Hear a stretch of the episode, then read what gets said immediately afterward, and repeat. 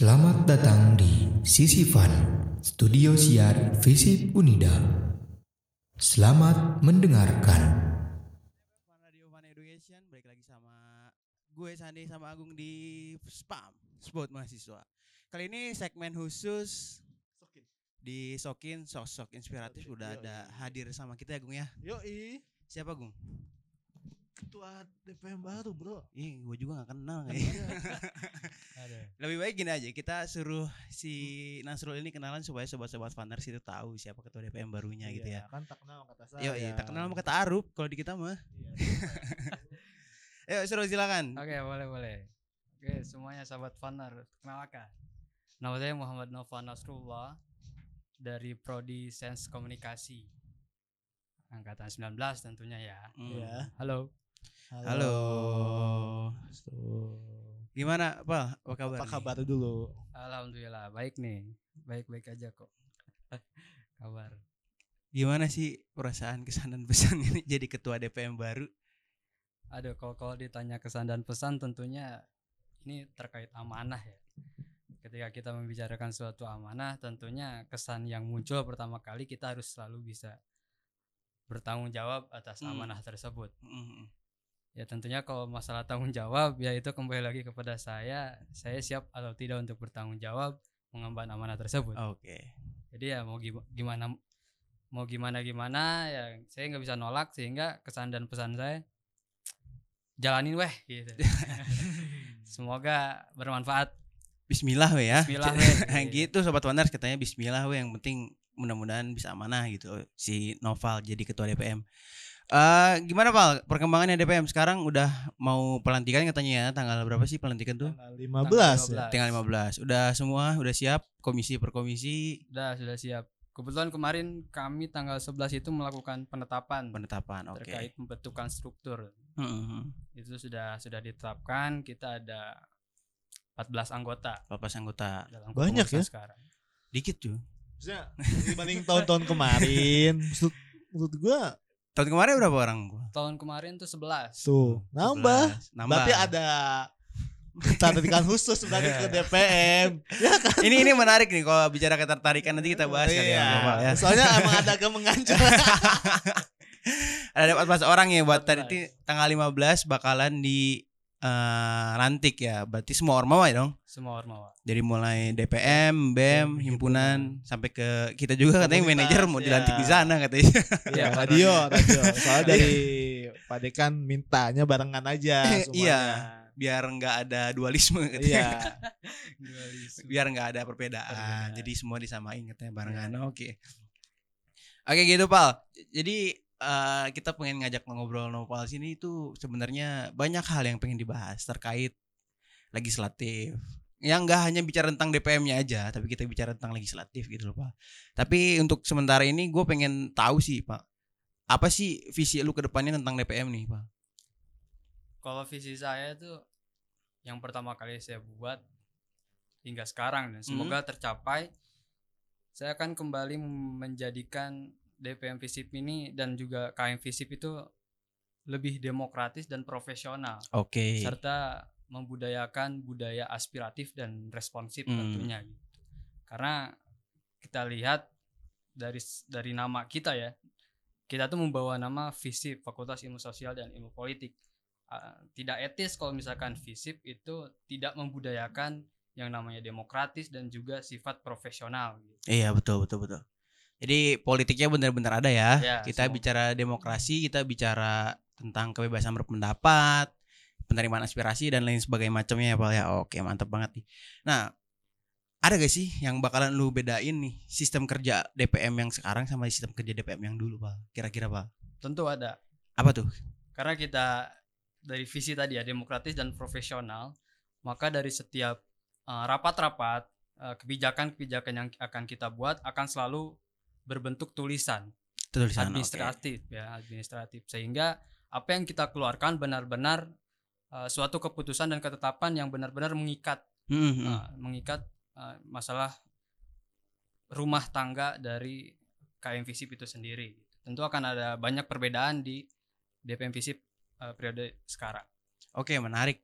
Bicara soal administrasi, bicara soal kebijakan. Kalau administrasi berarti semua tertulis. Nah, surat menyuratnya jelas. Terus setiap kali kegiatan ter apa ya ter notarisi dengan jelas ya. iya. Oke keren keren banget. Nah bicara soal kebijakan nih Pal, dari dulu tahun menahun itu apa ya pandangan mahasiswa itu terhadap lembaga legislatif ini sebagai organisasi yang eh, ngobrol-ngobrol gak cetok kalau kata Iya. temanku di Jawa Tengah sana tuh.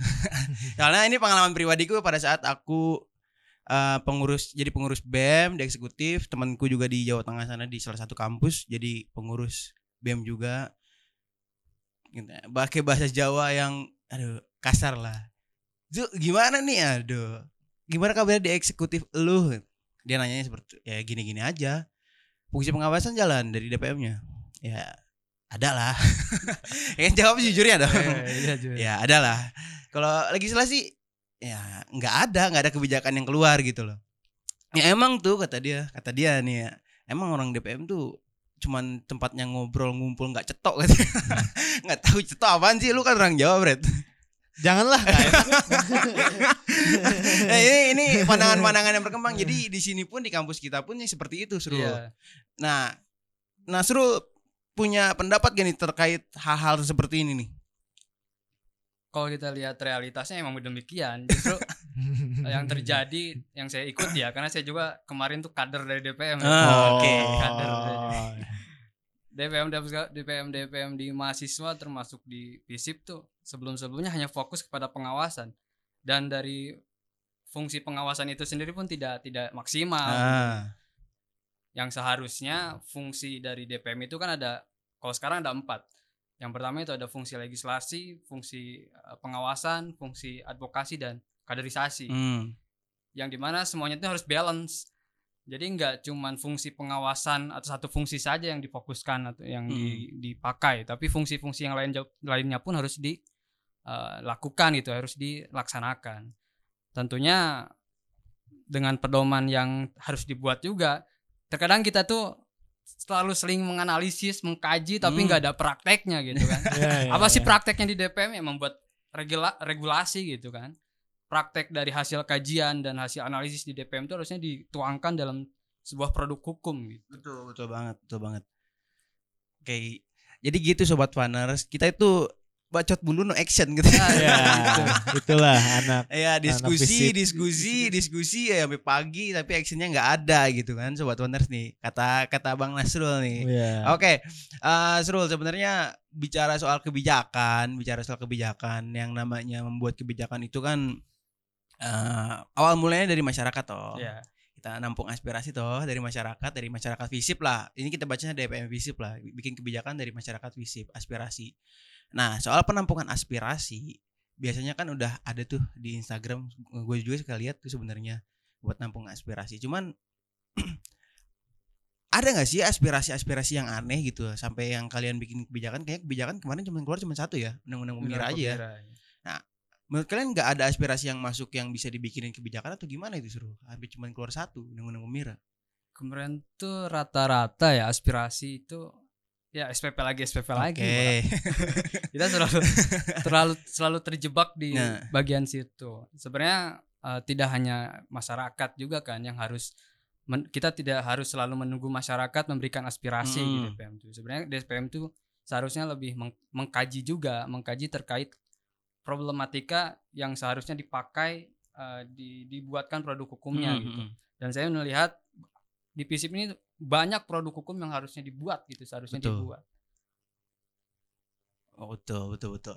Jadi banyaknya SPP ya. banyaknya SPP Ya, kalau untuk eh, aspirasi-aspirasi yang buat untuk dibuatkan sebuah produk hukum itu susah ya, jarang Iya, ya. jarang ada jarang. yang ini Oke, mungkin eh, gini pandangan pandangan gue Zrul ya, pandangan gue Zrul.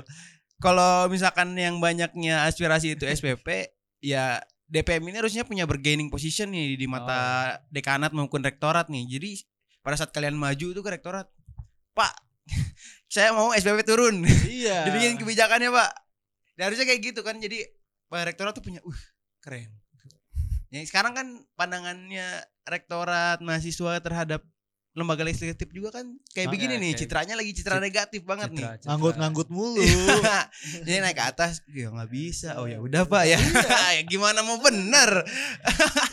Advokasinya nggak ada kalau kayak gitu. Kalau cuma iya iya aja ya dong. Iya, dong. Nah untuk ke depannya bakalan ada resolusi apa nih Srul buat Nasrul sama teman-teman temen DPM, nanti. Masalah apa nih SPP itu Masalah Apa pun. masalah citra kalian yang citra. sekarang nih. Branding kalian Iya. gimana? Kalian harus punya bargaining position lah. Iyalah. Kalian harus punya bla bla bla lah. ya, Gitu itu, uh, untuk resolusi ke depannya karena tadi profesional ya tentunya kita juga harus uh, membuat aturan sendiri jadi Hmm. ketika kita naik ke atas itu kita bisa mengadukan antara me- menjadikan referensi aturan kita menjadi dasar dari ucapan kita kepada rektorat. Jadi Hmm, kita hmm. sudah punya benteng gitu. Ketika kita ngobrol ke dek- dektorat ke, ke rektorat atau ke dekanat kita sudah ada hmm, tameng. Kita juga punya aturannya pak kayak gini kayak gini. Sehingga kita punya idealisme ter- tersendiri ketika berbicara dengan di- ke atas itu dan lagi-lagi kalau kita berbicara ke atas itu pasti permasalahan administrasi dong Hmm. maka Iya. yang harus diperkuat adalah peraturan peraturan terkait ad- keadministrasian Hmm. sehingga peraturan ter- peraturan tersebut dapat menjadi idealisme tersendiri kepada badan eksekutif dan juga legislatif baik di fakultas ataupun di universitas tentu kita sekarang sudah ada BMKM dan PMKM ya Hmm. mungkin nanti juga harus ada kerjasama yang sangat uh, intens dengan mereka terkait masalah administrasi ini sehingga masalah-masalah yang sifatnya seperti tadi SPP naik rektorat masalah-masalah aspirasi dan advokasi itu dapat terselesai- terselesaikan dengan baik dengan kerjasama yang baik juga sinergi- sinergitas Oh gitu. Oh. Oke. Tapi kalau misalkan masalah masalah SPP, sebaik lagi SPP nih ya. Contohnya ini contohnya Ya, aja contoh SPP. itu. Soalnya Kalau- tadi, tadi dia ngomong masalah SPP Iya. doang. ini pasti bakalan dia baru baru dilantik bakalan ini bentar lagi uas nih. iya uas dan kemarin dapat Gua from itu from bayar SPP nih gua kata belum gua. bayaran SPP gimana nih Bang Iya. nggak bisa uas. pasti udah. banyak. Pasti banyak bentar lagi. eh ba- baik lagi ke SPP kalau misalkan ah, oke lu Srul, nah Srul dari DPM atau dari legislatif lah nggak DPM hanya DPM aja ya dari DPM juga bikin ke, bikin sebuah kebijakan kebijakannya kayak eh nuntut buat rektorat buat nurunin SPP misalkan potong 50% mintanya. Apa bakal didengar sama rektorat itu yang jadi pertanyaan kita loh mahasiswa. Baik Ya. lagi ya, balik lagi ya kalau kalau gue menurut gua sekarang organisasi mahasiswa tuh nggak punya bargaining position di mata rektorat gitu. Parah. gimana tuh susah ya kalau masalah-masalah kita melihat tanggapan seseorang terutama rektorat ya kita gambarkan rektorat susah kita melihatnya hasilnya apa eh, hasilnya dari sekarang ya. Susah me- me- menilai gitu. Mm-mm. apa tanggapan dari rektorat itu seperti apa terkait masalah tersebut? Yang paling utama tentunya kita harus selalu berusaha sih. Pem- in- intinya idealisme mahasiswa lah. Itu yang harus ditekankan. Mahasiswa itu jangan terlalu eh, diskriminisme ya. Jangan terlalu terbelenggu dengan hal-hal yang wah gua terikat dengan eh, kampus karena Hmm. dana segala macam proposal itu kampus ngasih jadi gua nggak bisa bergerak dengan cepat seharusnya mahasiswa itu harus selalu mengedepankan yang namanya altruisme di mana demi kepentingan orang banyak hal-hal yang Iya. baik dari mahasiswa itu harus menjadi salah satu pondasi dari pergerakan eh, seorang pemimpin gitu Mhm. baik di legislatif maupun eksekutif harusnya itu. Jadi pemahaman-pemahaman individunya terlebih dahulu yang harus di yang harus digembleng gitu. Terkait idealisme sih itu. Sehingga ketika naik ke rektorat itu cuman bukan hanya menggugurkan kewajiban Iya, tapi iya. benar-benar membawa eh, membawa banyak suara rakyat. Karena Vox, Vox, Vox Populi Vox Dei kan. Suara Hmm. rakyat adalah Hmm. suara Tuhan. Itu yang benar-benar yang dibawa adalah itu. Seperti itu Oke, menarik boleh. menarik. Boleh, boleh. Menarik boleh, menarik. boleh, Ya mudah-mudahan apa yang dikatakan Nasrul sobat-sobat partners dengar Iya. gitu loh. Jadi sobat-sobat partners tergugah buat uh, menjadi mahasiswa yang punya idealisme yang tinggi dan Benar, benar, benar. bisa bergabung sama teman-teman DPM ya buat buat memperjuangkan hak hak rakyat. kan gue rakyat. Iya, kan Mahasiswa kita rakyat. rakyat, Iya. rakyat. Rakyat selalu benar, Iya. Menarik nih. Tapi kalau kita geser-geser topik nih Srul. Kalau misalkan kita bahas fungsi-fungsi legislatif nih, ya, secara bernegara di negara Indonesia kan fungsi legislatif itu fungsinya legislasi, fungsi budgeting, fungsi eh, pengawasan, Hmm. sama terakhir itu ada advokasi. Cuman kalau di negara kita yang di miniatur negara ini negara, ini Iya, miniatur negara. Iyalah ya. miniatur kan. Kita kan lagi ada di Student Governance nih di sini. Nah, sebagai legislatif di DPM, Nasrul juga punya empat fungsi, tapi kan budgeting nggak ada. Nggak ada. Ya, untuk legislasi kita mau bedah satu-satu. Untuk legislasi dulu, eh gimana sih cara Nasrul merumuskan kebijakan atau DPM Visip deh bukan Nasrul ya. Nasrul sebagai ketua DPM Visip merumuskan sebuah kebijakan yang dibutuhin sama teman-teman mahasiswa di Visip. Selain kita oh, jawab nih ya. Jawab, Jawab jawab. dong. Masa enggak? Pertama selain selain kita melaksanakan eh, kajian-kajian internal di DPM di, di Komisi 1 juga sebagai fungsi tugas memiliki tugas untuk menggugurkan terkait fungsi legislasi. Kita akan ada jaring aspirasi dan juga eh, apa namanya? dengar pendapat. Hmm. Jadi untuk yang apa namanya untuk perumusan segala macam terkait perencanaan itu nanti kita akan tampung dalam jaring aspirasi dan juga rapat dengar pendapat.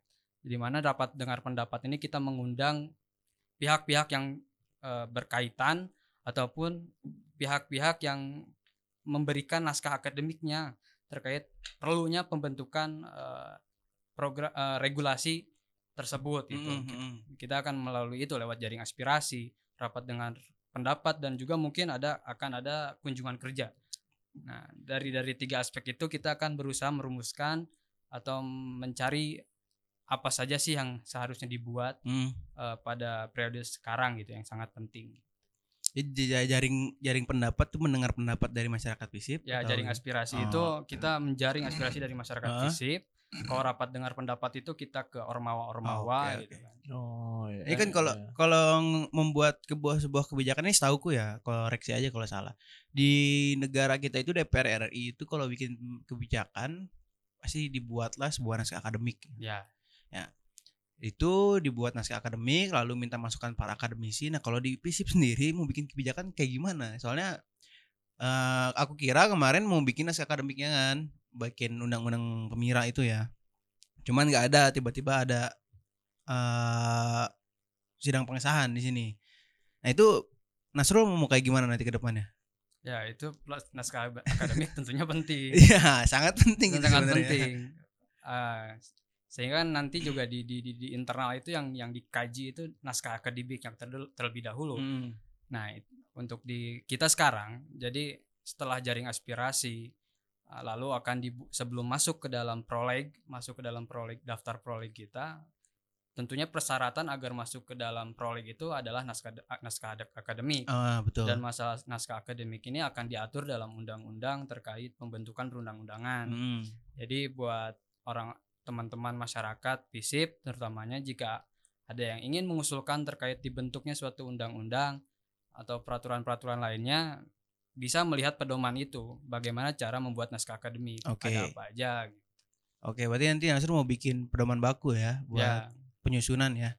Bagus sih. Nah, untuk ke depannya udah ada prolegnas eh prolegnas prolegnas kayak DPR RI eh, aja. Prolegnas berarti kita. banget. ya mohon maaf sobat panas sih kita tahunya prolegnas. Iya. iya. Proleg aja berarti ya. Proleg eh, Ya. Gimana udah yang yang udah yang udah masuk nih proleg di DPR BC seperti apa sih? Entah. Ya mungkin kan yang lagi sensitif kan bicara soal kerasa seksual. Iya. Yeah. Ya kan udah ada aturan di Permendikbud 2020 kan eh 2021 ya. 2021 uh, di DPM FISIP sendiri mau bikin gak nih aturan kekerasan seksual kah di lingkungan FISIP atau mau bikin aturan soal kaderisasi atau mau bikin soal aturan apa? Yang udah masuk daftar prolegnas nih yang saya ini bocoran nih kita langsung aja sekalian di iya, sini gitu. iya, gak apa-apa. apa-apa supaya sobat panas pada tahu iya, ya, ya, ya kan? Sekarang uh, eh, diibaratkan udah masuk prolegnas nih udah janji nih Nasrul ya. nih kalau misalkan nggak dibikinin kan sobat panas tinggal demo nanti Iya. dong Ya, ibadah hidup di negeri demokrasi adalah demonstrasi. Iya, Iya, iya dong. Iya, Srul, silakan. Apa aja di Srul yang udah disiapin? Ya, untuk untuk kita sekarang teman-teman di DPM itu sudah em, merencanakan ya masih ba- dalam tahap merencanakan untuk merapihkan administrasi terlebih dahulu. Jadi kita buat terkait pedoman-pedoman administrasi, Hmm. terkait surat menyurat, proposal segala macam itu masuk ke dalam pedoman administrasi, pedoman penilaian, uh, undang-undang yang menjelaskan tentang uh, seperti apa tugas, fungsi, wewenang DPM dan Hmm. juga BEM Hmm. dan juga beberapa undang-undang terkait administrasi lainnya. Mungkin masalah kaderisasi juga saya masih memikirkan terkait undang-undang kaderisasi karena saya juga membuat komisi 4 kan, komisi 4 ter- terkait kaderisasi agar fokus di, di mengkaji bidang-bidang kaderisasi tersebut. Semoga terkait undang-undang eh, kaderisasi atau pedoman pembinaan Hmm. itu bisa diwujudkan pada periode saya saat ini. gitu. Amin, amin, Amin, amin. amin, amin, amin. Seru nih. Dia udah punya beberapa proleg. Sekarang uh, fungsi pengawasan. Seru. Gimana ya sebenarnya? Ini aku pribadi ya udah demisioner lah di eksekutif kan. Ya. Ya ngelihat pengawasannya lembaga legislatif itu kan jadinya jadi gimana ya kucing juga tuh. Kalau kata anak-anak teman-teman tuh ah legislatif miskin fungsi gitu ya. nah untuk ke depannya kan yang uh kemarin tuh mudah-mudahan udah mulai udah mulai oke lah dan dipegang Nasrul ini mudah-mudahan ke depannya makin oke. gitu. Amin. Nanti jelasin dong sedikit tentang fungsi pengawasan buat sobat-sobat funners supaya sobat-sobat funners itu tahu apa sih pengawasan, apa sih yang diawasi dan gimana sih penilaiannya gitu, Srul. Ah, oke nih terkait fungsi pengawasan. Sebenarnya di di fungsi pengawasan itu secara komprehensif ya, yang diawasi dari dari BEM Badan Eksekutif Mahasiswa itu sebenarnya dari dari rancangan program kerja dan Hmm. anggarannya. Hmm. Kalau di ADRT itu kan disebutkan eh, BEM memiliki tugas dan fungsi untuk membentuk anggaran pembelanjaan ya. Iya, betul. APBN, Betul. AP, iya. PBD eh APBD. APBO. APBO. APBO APBO, dong. Bawah. urusan daerah, beda daerah lu. Mungkin negara visip. ya. Iya. Kita kan negara, miniatur negara. Ada negara dalam negara jadi. Nah, maka untuk untuk sekarang itu ada rancangan angga, program kerja dan anggaran. Tidak menyalahi ADRT, tidak terkait karena kan APBO itu di dalamnya juga membahas tentang uh, proyek-proyek uh, per- kerja gitu. Mhm. Ini juga sama. Jadi setiap di, di BEM itu nanti diawasi oleh Komisi 2 terkait program kerjanya Hmm. sebelum eh, ketika dalam bentuk rancangan dan juga ketika sudah mulai melaksanakan kegiatan. Jadi fungsi pengawasan itu tidak hanya mengevaluasi namun juga turut terjun dalam dalam eh, rapat-rapat kegiatan mereka gitu. Dan dan untuk penilaiannya itu tidak hanya dalam bentuk kualitatif tapi juga kuantitatifnya juga. Hmm. Jadi tidak hanya bentuk eh, LPJ-nya seperti apa, tapi juga kita juga melakukan survei ke para peserta apa yang mereka dapatkan dan segala macam. Itu nanti Oke. akan masuk ke dalam penilaian juga. Dan itu nanti akan diperkuat oleh pedoman penilaian. Jadi fungsi pengawasan itu tidak akan keluar fungsi, tidak akan keluar jalur ya. Hmm. Fungsi pengawasan dibatasi oleh peraturan dan pedoman yang ada gitu. Oke, jadi pengawasannya Baku ya. Terregulasi ya semua ya. Oke. terregulasi. Tapi kalau bicara APBO seru kan eh, anggaran pembelanjaan Ormawa itu berarti harus diawasi ada fungsi budgeting juga dari dari legislatifnya. Nah, kalau kalau di sekarang itu kita masukkan ke bendahara. Jadi bendahara sekarang itu punya tugas dua, mengelola keuangan internal dan juga mengawasi masalah ke bendaharaan di eksekutif. Oke. gitu. Jadi nambah fungsi dong. Iya, tapi nggak dimasukkan ke ke fu- eh, ya masih ada fungsi ya, Iya. masih fungsi, tapi tugasnya di bendahara gitu. Oke, oke. Berarti nggak ada tetap nggak ada fungsi budgeting, nggak cuman ada. diawasi Ya, keuangannya. karena fu- fungsi budgetin kan nanti kalau di kita, kalau di DPR gitu, Eh, itu nanti dibentuk eh, BPK, Iya, Badan betul, Pengawas betul. Keuangan gitu kan. Ya lebih bagusnya dibentuk BPK dulu daripada Iya. bendara. Sebenarnya saya punya pikiran banyak gitu ya buat membentuk segala macam gitu kan seperti badan audit segala macam. Namun saya kira itu tugas MPM lah. Biar nanti kita kerjasama dengan MPM. SDM-nya lebih banyak MPM kan. Iya, Iya, biasanya kalau iya, ya. iya. kalau Satu MPM itu kampus, satu kampus. ada perwakilan dari tiap fakultas tuh minimal dua atau tiga orang nih kalau salah. Emang harusnya gitu Iya. lah. Ya, dia kan punya FL2M tuh, Apa tuh? Forum Lembaga-lembaga Legislatif Mahasiswa Indonesia. Iya, iya, iya, orang- iya, iya, iya. Orang-orang kumpul nggak ceto katanya. Canda. Canda. Canda sobat. ya mungkin nanti MPM ke depannya bakalan lebih baik ya dari yang kemarin ya. Ya semoga MPM Cuma yang kemarin juga bingung juga Srul. Kongres gak beres kan. Hmm. Gimana ya? Udah tuh, gak usah bahas yang gitu. Udah kelewat. Iya udah kelewat. Cuman kan ini buat jadi bahan evaluasi. Ya, kita Mudah-mudahan aja lebih baik. Iya betul betul. kalau Ya, kalau kita berkaca ke negara juga sebenarnya eh, fakultas itu nggak punya fungsi buat bikin undang-undang. Iya emang, emang Iya, iya. iyalah. iya. Harusnya semuanya dibuat. MPM Iya, lah, MPM, di pusat DPM. semua. Kita Iya. cuma bikin peraturan-peraturan Iya. buat kita aja gitu. Kita itu ibaratkan Jawa Barat ya. iya emang jawaban. kita bikinnya perda gitu. iya gitu. Perda bukan undang-undang gitu. Kan sekarang yang naik Ade Yasin. Divisim kan, Iya. kan, kan tuh cewek. Ya maksudnya kalau misalkan kita ibaratkan kita provinsi kita cuma bikinnya perda, nggak Perda, bikin Iya, undang-undang. Jadi daerah. mau nggak mau kita undang-undang turunannya dari Iya. dari pusat. pusat. Karena pusat gak bikin. Iya, kita pusat bikin. Gak punya undang-undang Nggak punya gimana? undang-undang. Gimana? Tapi gitu? ada undang-undang pemira Mas Rul. serentak. Undang-undang pemira yang 2018 tuh ada. Iya, pemira serentak itu. Nggak jelas tapi isinya. Iya, tapi enggak enggak dijalankan. Nggak kan, jalan. serentak-serentak. Nggak gitu. serentak-serentak. iya dong. iya namanya pemilihan tapi nggak serentak. iya dong. Kan bahan lelucon jadi. Iya, makanya kan aneh gitu loh. Itu yang jadi bingung juga ya mudah-mudahan eh, teman-teman eksekutif juga bisa ngejalanin eh, aturan-aturan regulasi-regulasi yang udah dibikin gitu kan. Di mana eksekutif itu kan eksekutor dari kebijakan-kebijakan yang ada Ya. kan gitu. Oke. Lanjut ke fungsi pengawasan dulu. udah ya tadi ya? Udah, udah, Udah bicara soal fungsi pengawasan. Nah, ada pengawasan soal eh program kerja dan jelas teradministrasi semua catatan pengawasan jangan lupa ya. Sama nanti nanti ada katanya pengawasan buat keuangan tuh hati-hati tuh nih. Kalian kalau mau main-main soal anggaran loh.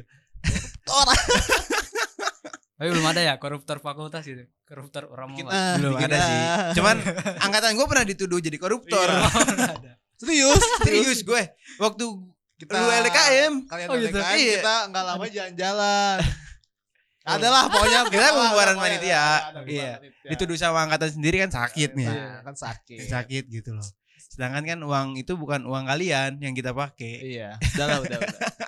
Udah tenang kok, udah tenang. Ya, udah tenang orangnya. Udah tenang. Meninggal dong. Enggak, maksudnya udah tenang, udah santai, Oh, relax iya, itu iya. nggak ada masalah sama kita.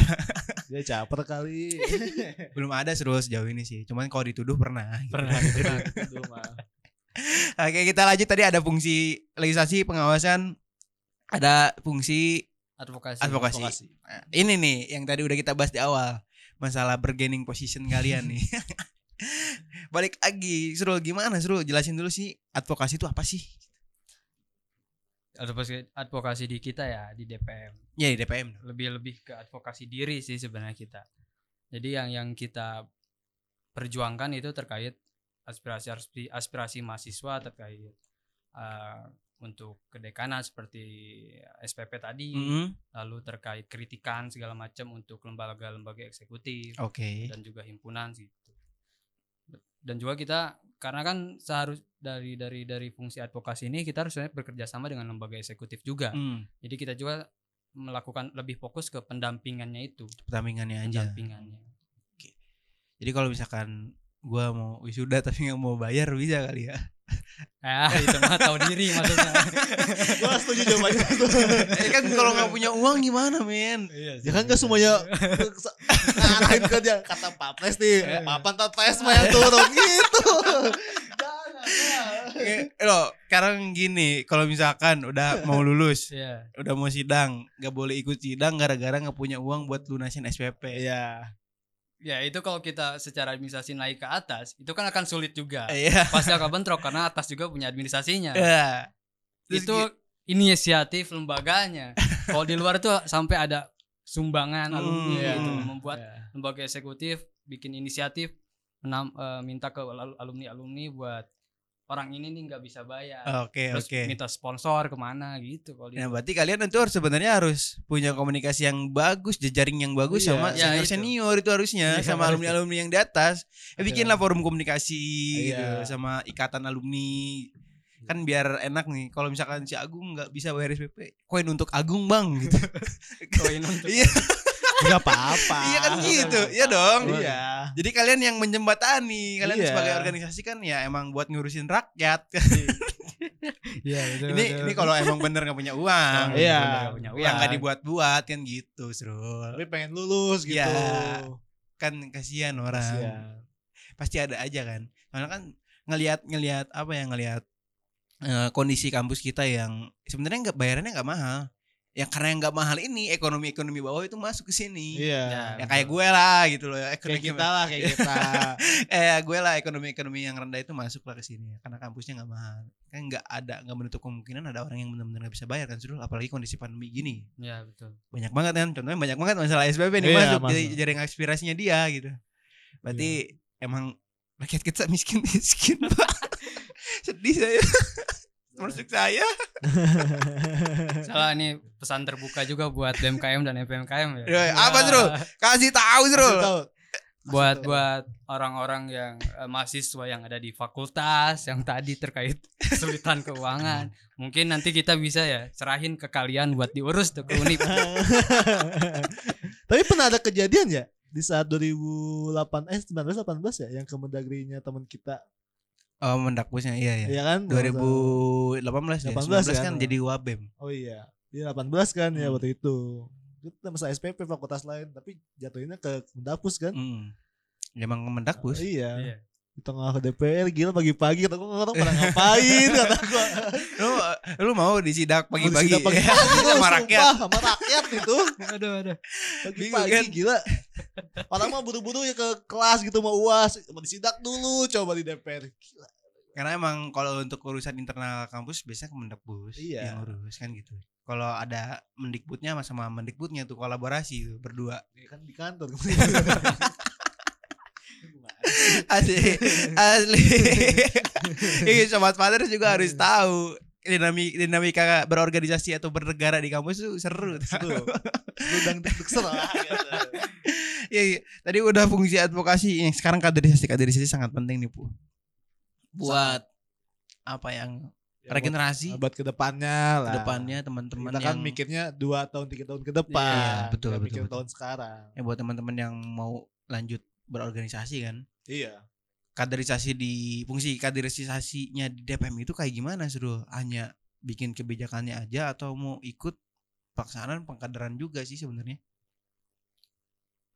kalau kalau di kita itu fungsi pengkaderan tuh sebenarnya eh, pertama bisa bekerja sama dengan BEM terkait eh, undang-undang tadi regulasi Hmm. dan juga di kita tuh ada program magang nanti Program magang. untuk di DPM Magang di DPM. Maksudnya? magang di maksudnya? DPM Kayak gimana? jadi di situ eh, teman-teman dari angkatan bawah 20 dan 21 itu bisa melakukan magang di DPM sebagai simulasi lah mereka ketika mereka nanti misalkan ada yang minat masuk DPM simulasi nanti di DPM itu seperti apa kerjanya nanti Hmm. ditempatkan di komisi-komisi tertentu dan tentunya dengan peraturan juga ya Hmm. jangan sampai mereka haknya sama seperti hak kita gitu Ah, hak, hak oke. anggota anggota tetap Oke, oke. Oke berarti buat se- semester 4 bisa aja magang di DPM ya? Iya, iya. jauh-jauh? Gak usah jauh-jauh kan? Beda, Magang- eh, magang. kan magang. Magang itu jatuhnya. enggak kita enggak ada MOU dengan fakultas Nggak, magangnya pakai hitam putih gak? enggak Eh, Enggak. Siapa tahu Iya, gitu iya. ya. Iya semester dong. yang malas nyari instansi pemerintahan atau apa pun. Ini juga pementiran. Kementerian. Kita dan governance. Iya, Iya. ini. Iya. Jadi- DPR, bos. Coba sobat Wanars nih ya. Saran nih dari gue nih. Iya. Kalian bingung-bingung nyari tempat magang. Iya. Ya magang di DPM aja. Khusus untuk semester 4 entar. Khusus semester empat. Tuh. Jadi Langsung kontak ketua DPM ketua DPM aja. aja. Atau enggak DM DM di Ya, Instagram. Kak, aku pengen magang di DPM. Ngelampirin CV gitu. Ada interview dulu kan. aduh, aduh, aduh. Seru seru. Bagus seru. Itu visioner sekali sebetulnya. Bikin program magang. Keren, keren, keren. Jadi anak-anak tuh nggak kaget pada saat dia mau masuk DPM misalkan atau BEM gitu. Iya. BEM misalkan bikin program Organisasi lah gitu. ini. Oh gini cara kerja DPM. Ya kan kelihatan tuh kalau lagi buruk-buruknya dia bakal ngikutin buruk-buruknya tuh. Nah, Iya. iya Iya, bagus-bagusnya ikut. Dia ngikutin bagus-bagusnya. Jadi kalau misalnya ada anak magang serul ya, ini saran nih. Saran dari gue. Kerjanya yang bagus dulu. bagus bagusin lah Intinya dapurnya jangan sampai ketahuan lah. gitu. briefing dulu gitu Iya. eh, cuma harus ada skenario nya, Bu. Gimik-gimik aja dulu. Aja dulu. bagus bagus itu visioner sekali Fred Kayaknya nggak kayak kita kan bingung dulu ya anak yang dari B ya ya. dari himpunan yang mau lari Mau ke ke BEM BEM tuh. DPM itu bingung Iya. nggak tahu cara kerjanya Kayak gimana? dari nol lagi tuh gak lu Iya. masuk situ ya, nol lagi. tupoksinya kayak gimana? Kita nggak jelas mau kerjain apa pengawasan gimana? Itu kan yang jadi yang jadi miskin fungsi dibilang miskin fungsinya DPM kan jadi kayak gitu. Dan uh, miskin fungsinya di BEM cu jadi program kerja nggak jalan nggak punya arah tujuan kan kayak gitu nggak punya visi misi nggak jelas. Bagus itu. sih, bagus. Hmm, jadi anak-anak yang mau lanjutin jadi oke keren ke depannya gitu sih keren keren Eh, terakhir ini paling nih gue punya pertanyaan titipan Titipan. titipan ini Zro ke depannya resolusi dari DPM yang akan menjabat setahun setahun ke depan nih Iya. resolusinya kalian itu kayak gimana ini mumpung masih tahun baru ya masih tahun baru Masih Masih ada. awal, Masih masih ada. awal. Eh, resolusi ke depannya eh, semoga kita dap mm, di DPM tentunya dapat menghadirkan produk-produk hukum yang dapat menjadi eh, roda penggerak organisasi. oke Jadi tidak mati ya. Karena tadi kan dikatakan juga eh, setiap angkatan itu jadi kul- ngulang lagi dari nol. Nah, betul. Iya. Semoga dengan adanya produk-produk hukum ini eh, roda perputaran organisasi regenerasi itu terus berputar. Jadi kita juga tidak memberikan eh, keresahan kepada para senior juga. betul Senior kan seresah nih, "Ih, gimana nih buat angkatan selanjutnya gitu kan. Tapi kita nggak berusaha agar tidak agar menghilangkan itu. Sehingga senior-senior pun tenang. santai Jadi eh, nggak perlu nggak perlu ribet masalah demokrasi, nggak perlu ribet masalah regenerasi kayak gimana, tapi itu sudah berputar karena ada peraturan-peraturan tersebut. Mhm. Jadi orang-orang teman-teman di bawah pun ketika mau masuk terjun ke himpunan, mau ma- terjun ke BEM, masuk ke DPM, itu sudah bisa baca-baca terlebih dahulu produk-produk hukumnya. Oh, berarti kayak gini tugasnya. Udah ngerti lah. Udah tinggal terjun. Jadi tidak ada lagi yang namanya ketakutan. Nanti gimana nih, nanti gimana tapi langsung terjun pede. Itu semoga ya. Semoga Amin, ke depannya seperti itu. Itu resolusi kita eh, ke depannya. oke Oke. oke ini pertanyaan titipan last last one Tapi gua, lagi tapi gua ada pertanyaan juga sih. tuh? Oh, boleh. Ini mah denger-denger aja. denger denger Kenapa? jangan denger denger Karena- tuh ya Kenapa sekarang DPM banyak yang diminati dibanding BEM? Belakangan ini loh. Nggak kalau itu denger denger lu ya Iya, dengan denger kalau denger denger gua alasannya karena slow gitu Itu kayak- Santuy, iya santuy santuy DPM. gitu. Ah ngapain capek Wah, gue di BEM gitu. ya. Kenapa? Dan gue juga bakal nanya ke entar BEM. Susah kan ketika sokin bakal BEM nih. Gue pengen nanya juga. Jawaban dari DPM dan jawaban BEM bagaimana? Dan Mungkin radikalnya ya, radikalnya tadi kata Bang Sandi itu. Iya, santuy. Santuy. Santuy. Karena ngelihat tahun-tahun sebelumnya santuy. Iya. Tapi saya katakan santuy. buat tahun sekarang nggak Nggak santuy. Ya oke. Oke, oke. Oke. Kita, Ayo, pegang, kita pegang. kita Oke, pegang, kita kita- pegang. 100 hari ke depan. Ayo. Mau ngapain? pegang. 100 hari ke depan setelah pelantikan yang pertama kita akan bikin peraturan DPM terlebih dahulu. Oke. Oke. Ah, yang pertama, yang kedua. kita empat bulan setelah pelantikan itu masa sidang. Oke, Pak Sidang. Produk hukum kita bahas di masa sidang tersebut. Oke. Semuanya. Jadi setelah itu baru kita fokus ke kaderisasi, kegiatan-kegiatan di masa kerja ya, masa kerja Iya, kita iya. lakukan kunjungan kerja kayak studi banding segala macam itu nanti setelah masa sidang Oke. 4 bulan setelah pelantikan. Oke, ini banyak nih ya satu hari ke depan nih kita lihat nih ya. Lihat. Oke, Semoga ya. Semoga semoga semua Dan terlaksana ini ya. juga terkait pembentukan peraturan nanti kita juga ada panitia khusus. Jadi buat teman-teman angkatan 20 21 bisa join untuk sama-sama merumuskan eh, peraturan Ah, tersebut. ini nih. ini. Berarti udah nanti bakal ada pansus, ada balik, berarti Nah, ya. nah. Oke, bagus bagus bagus Betul, bagus betul. bagus. Jadi visioner lah, ngikutin Ya. negara beneran. Oke. Iya, bagus bagus. Ya, Berarti itu aja santai. Gak santai, gak santai. santai. Nah, sekarang buat teman-teman yang bilang kemarin masuk DPM karena DPM santai, santai. hmm, Hmm, tuh, Mamam, ketuanya mamam. langsung ngomong, ketuanya langsung ngomong. Buat yang pengurus terpilih juga jangan pada keluar ya. itu sih ya jadi permasalahan ya. Iya, soalnya ya kan kita sebagai gua Mas Andi kan cuma sebatas rakyat biasa Iya. mendengarkan dan tidak punya hak untuk masa iya masa masa masa iya kan Dia bilang, oh gitu coba kan jawabannya oh gitu coba nanti kita tanyakan langsung ketemu orangnya bener itu kan? Bro, bener nih. Berarti dia udah jawab. Iya. 100 hari ke depan dia mau ngapain, Ngapain. tuh. Ingat tuh sobat Manars ya, diingat kalau nggak ada ditagih. Iya. Jangan didiemin gitu loh. Betul. Jadi ntar disetelin musik musik tidak percaya deh dari efek rumah kaca ya terima kasih Nasrul buat ah, udah hadir di sini mohon maaf nih kita eh, begini adanya studionya nanti kita bakalan ngobrol-ngobrol lagi lah Boleh. soalnya kita juga masih ada closing segmen ya kita nggak bisa nemenin Nasrul di luar juga Gitu, sobat Panas sudah jelas ya. Kita udah bahas masalah legislatif, masalah DPM dan berbagai macam keluh kesahnya, citra negatif dan segala macam tentang legislatif. Cuman sudah terjawab sudah sama Bang Nasrul sebagai ketua DPM yang baru dan ke depannya teman-teman yang mau masuk DPM karena santai ya silahkan kalian nikmati Terima kasih dari telah ketuanya. mendengarkan.